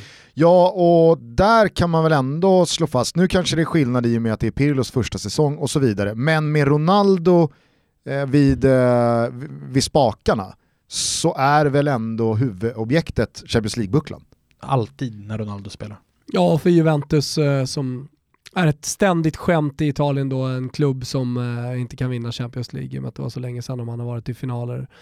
Eh, så, så, är det också mot sig själva lite grann, sin självbilden eh, att eh, ja, men, å ena sidan vinnarkultur i kvadrat, det sitter i väggarna och allt det där med många spelare som är vinnare, samtidigt då förlorare i Europa. Eh, så, så, vill man nog man ta bort, den stämpeln, ja, ta bort den stämpeln så fort som möjligt. Och sen så tror jag att det kommer bli en jätteutmaning. Det ska bli intressant att följa liksom allt skvaller som sipprar ut, för det är ändå Pirlo som är han är ju han är yngre än vissa i laget, han är polare med vissa i laget och nu ska han gå Finns ut och Finns det någon och, som är äldre? Ja det är Buffon då. Ja, Mm. Men alltså han ska gå ut, han är ändå, han är ja, polare med Bonucci han glider och... runt i, i, i han är så, så skön också han är han glider runt i, och skön nej, och allt men det han, Nej, nej det, det är det som är skön, han glider runt en lite för stor träningsoverall, lite för stor keps. Mm. Ser ut som lite tomte glider runt där på planen med sitt stora ja, skägg och, och hår alltså, det och känns, Det känns fel. Men äh, jag, jag hoppas att eh, Andrea Pirlo ändå visar, visar jag sig vara en Jag hoppas att han blir en stor tränare, men jag tror inte att det här är säsongen han bevisar det. Beroende på vad som kommer in då, eh, som ersättare till Iguain, om vi räknar med eh, Dzeko, eller i alla fall någon i den kalibern. Suarez har det pratats eh, om en del, vi får väl se vart det landar. Eh, och att Pirlo kanske kommer laborera en del med formationer och så vidare. Vad förväntar ni er av Dejan Kulusevski? Vad är, vad, är, vad är rimligt att ställa för krav på honom Ja, men start på hälften kanske i ligan då, det, det tror jag nog. Ja, definitivt. Och tror Men du får ju ni... utgå ifrån lite konkurrensen också där med Bernardeschi, Douglas Costa, ska han vara kvar ens? Eh, Quadrado. Ja men Quadrado har ju blivit högerback på Mm. slutet. Ja, men han kan ju, alltså så här, beroende på hur Jo, Pirillo vill leka med de Ja. där formationerna. Men kä- känslan är, känslan är att det är framförallt Bernardeschi som, som han krigar med ute till Mm. höger, höger och, då, och då har han en större spets och eh, verkar ju som att Ronaldo redan har omfamnat honom. Om det är bara är media som blåser upp någonting, i, för det görs i Italien också. Att, eh, Ja, men nya lekkamraten eh, och så vidare. Men, men jag, jag, jag förväntar mig nog ganska många starter av Dejan, att han kliver in i det där laget. Pirlo sägs ha varit imponerad också. Sen har vi hört sånt på försäsonger tidigare och sen så har det blivit bänk och det har blivit tuffare eh, säsonger än man förväntar sig vad det gäller speltid. Men, men eh, han passar så perfekt in i det här laget så att jag... jag Ja, och jag tror att det är en, eh, alltså han verkar ju vara en spelare som är lätt för en tränare att tycka om med tanke på att det inte bara, alltså den spelartypen är ju ofta bara en dribbler som gör poäng. Men han har den egenskapen men också det hårda jobbet och då blir man nog lätt och snabbt en tränarfavorit. Det har vi ju sett med Dybala som mycket har varit så här, äh, jag jobbar inte hem så mycket och det har ju funnits stunder då Dybala har varit bänkad och ryktats bort och sådär. Kulusevski är lättare för en tränare att alltid sätta ut på planen för du får alltid jobbet oavsett hur bra dag han har. Eh, jag kan ibland tycka att mängden svenskar i Tyskland överskattas i liksom hur, hur hett och intressant det ska vara. Ser man dock till vilka svenskar som är i Serie A den här säsongen så är det ju svårt att vifta bort någon som eh, någon parentes och någon Mm. dussinlirare. Alltså Zlatan, Kulusevski, Albin, Svanberg och Robin Olsen fortsättningsvis. Vad va, va, vad är det senaste på Olsen? Fiorentina-rykten på Ken Sema. Fiorentina-rykten på Ken Sema. Alltså, ur ett svenskt perspektiv så är det ju... Lite junisar Jävligt roligt i, och- Ja, det är verkligen. också. Det är det verkligen. Det gick ju någon, det det gick någon ny eh, junior här, Perez till Atalanta, som Okej, tydligen mm, ska vara just så här tight med Dejan, så att vi vill gå samma resa. BP så vi får, också. Ja, vi får se vad det blir där. Men Olsen tror jag inte kommer vara kvar i Serie A när vi sparkar igång den här Sporting säsongen. Lissabon är Ja, och pole eller... ah, landar väl Turkiet, gissar jag. Kanske, Gissar. Eh, Okej, det var alla lag eh, inför säsongen 2021. Vi har som alltid eh, satt ihop lite tototripplar ur ett långtidstänk borta hos våra vänner på Betsson. De här hittar ni som alltid under godbitar och boostade odds. Ni eh, ryggar med eh, valfri insats men 148 kronor kan vara kul. Ja, Eh, det är ju den eh, insatsen vi brukar köra på i detta format. Tänk på att du behöver vara 18 år Eh, eller äldre såklart, eh, ifall du vill rygga någon av de här. Eh, och upplever du att du eller någon annan i din närhet har problem med spel så finns stödlinjen.se alltid öppen. adderar spela lagom då, 148 är ju lite lagom. Det låter väl som en lagom säsongsinsats. Jag freebasade ju fram då ett isolerat boostat odds på Atalanta att vinna Serie A Mm. och det gillar jag att ta för om jag nu ska spricka på min egen tuttotrippel långtidsmässigt så ska fan Atalanta gå och vinna hela rasket. För min långtidstrippel är Atalanta utanför topp 4. Jag tror lite som ni har varit inne på att tillräckligt många lag är för optimerade och starka för att de ska kunna hamna utanför topp 4. Eh, jag tror att Inter håller flest nollor trots att man inte får ordning på Godin-värvningen. Eh, och sen så tror jag att Bologna, enligt Svanemar då, detta USP-fria och ganska trista Bologna hamnar utanför topp 12. Den trippen ger 20 gånger pancettan. Ja, den är inte dum. Nej. Den är inte dum. Är inte Svanen, dum. hur tänker du? Jag tänker som vi var inne på lite med Benevento att det här är ett lag och en tränare som har gjort jobbet. Eh, En bra sommar med bra värvningar. Jag tror att Benevento löser det. Eh, Jag tror de övriga två nykomlingarna ryker, så då ska vi alltså ha ett lag ifrån i fjol som ska åka ur och då landar jag i Udinese. Mm. Udinese att åka ur. Ja, Udinese åker ur och eh, Inter vinner. Roma utanför topp 6. Mm. Där har du den. Kommer jag ej rygga, Det förstår jag. men den ger 30 gånger degen. Ah, oh, 30 gånger är inte dumt. 30 gånger är fint. Jag förstår ju såklart hur du tänker med Roma, det är bara att det, det, det är deppigt Ja, att sätta att sig det på den det. säsongs... Såklart att det Men Thomas Vagnen. ryggar den. Ja för fan, jag ryggar. Thomas har eh, varit så innovativ att han har satt ihop två stycken eh, Toto-tripplar. En eh, med liksom lite alla möjliga parametrar eh, att välja från och sen så har du satt eh, ihop en stadsspecial. Ja, jag har en derbyspecial och sen så har jag en. Jag börjar med min derbyspecial. Nej, det gör jag inte alls det. Jag börjar med min vanliga eh, säsongstrippel och det är Zlatan över 19,5 mål. Det är väl ingen jävel som säger emot det. Nej, där är ni tysta. Fiorentina topp 8. Ni nickar Någon, lite. någon säger säkert eh, hjärta där, men eh, jag tycker det finns hjärna bakom det. Ja, jag, nej, men jag sa ju att de har riktigt hög potential, det gäller ju bara att träffa. Det gäller att träffa, det är andra året för Comisso. Jag eh, tror stenhårt på Viola faktiskt den här säsongen. Man ska vara där och man jämför truppen och man ser hur Fiorentina har värvat den här säsongen, eh, den här sommaren, jämfört med många andra lag också. Du nämnde Amrabat, eh, Kwame, alltså det, Bonaventura. Det, det här är ett bra lag. Och sen så har jag faktiskt eh, som tredje ben då i den här trippen, Juventus, Inter och Milan. Randigt topp tre.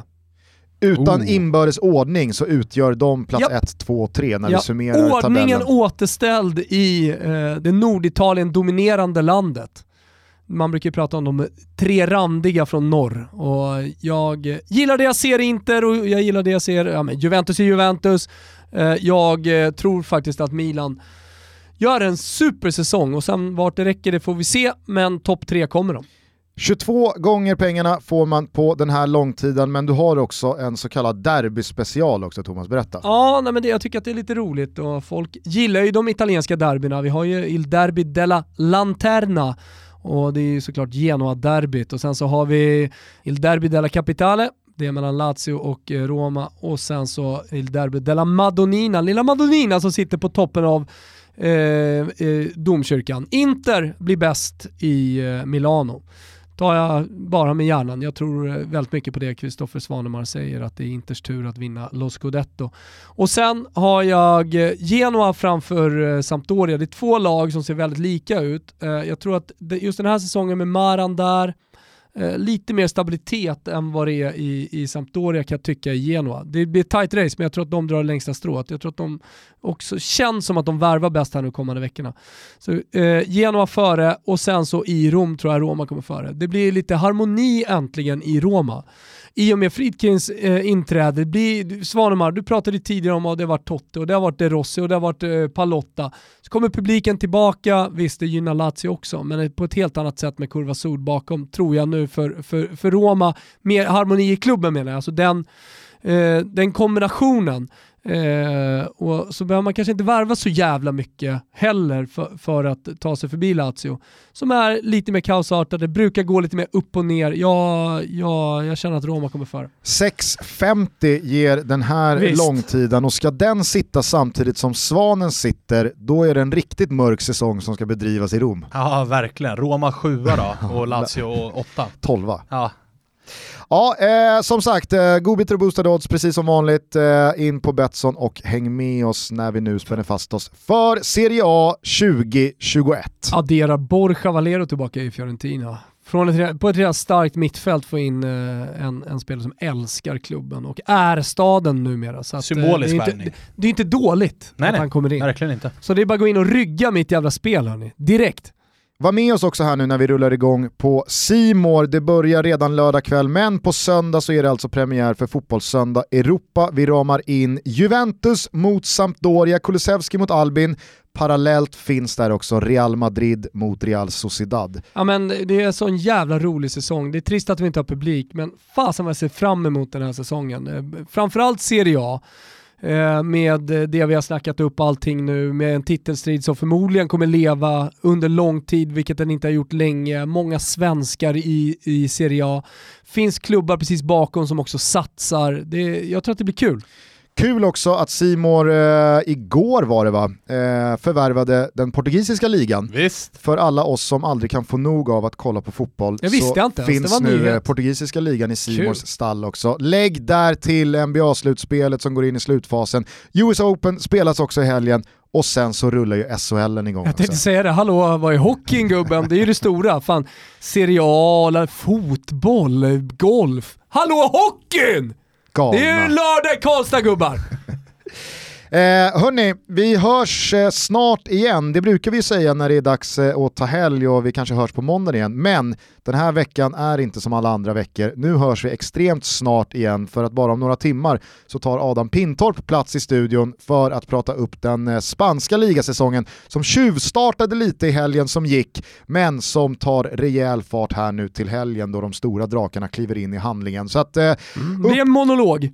Upp till eh, bevis för superproducent Kim Wirsén. Det blir en lång dag vid klippbordet, eh, så får vi väl se när La Liga-avsnittet kommer ut. Men Kristoffer Svanemar ska ha ett stort jävla tack för att du gästade oss och eh, bidrog till att eh, ge en rivstart eh, åt Serie A-säsongen. Mm, jävligt kul, nu är man peppad. Eh, kör hårt med matcherna också. Ja, ska jag göra. I, I båset. Ska jag göra. Så hörs vi snart igen. Får du lära dig uttala han, får ringa Husfeldt och höra hur uttala han vänsterytten i Lazio ja. Kosovo-albanen. Ja, ja, det blir... Eh, Mariki. Mariki, ja, säger du? Jag gissar det. Ja, okay. Ja. Jag inleder där. Uttalen, ja de är alltid eh, ständigt närvarande, eller hur Gusten? Så är det. Hörni, vi hörs eh, snart igen alltså med Pintorp. Nu ska jag och Thomas eh, dreja oss eh, en svep-Pepsi. Jajamensan. Eh, så att man kommer med skjuts ja, in känner, i nästa avsnitt. Man, man, man, känner halsen nu när man har suttit här och pratat Serie A så länge att eh, det behövs någonting och då tar man en iskall Pepsi och så svepar den bara rätt av. Förmodligen kommer en liten rap efter, men den är ju så härlig. Den hör till svep-pepsin Gugge! Det är så fint när rapen nästan blir kall. Alltså Exakt. luften blir kall för att det är så väl kyld höstpepsi. Rulla igång något italienskt eh, dängigt här nu så går vi ut och sveper. Ciao tutti! Ciao tutti! Stare insieme a lei dopo di te mi fa impazzire. Le sue mani fredde su di me dopo il tuo sole fanno assai più forte quello che tu mi sai dare. Ho capito che dopo di te c'è solo nere. Fammi rimanere accanto a te, non mi svegliare. Tutte le sue lacrime per me non sono niente. Sono pronto a dirle che per te voglio morire. Che da tempo vivi dentro me come un amore. Sarà perché ti amo che non ho più bisogno di continuare a saper fingere.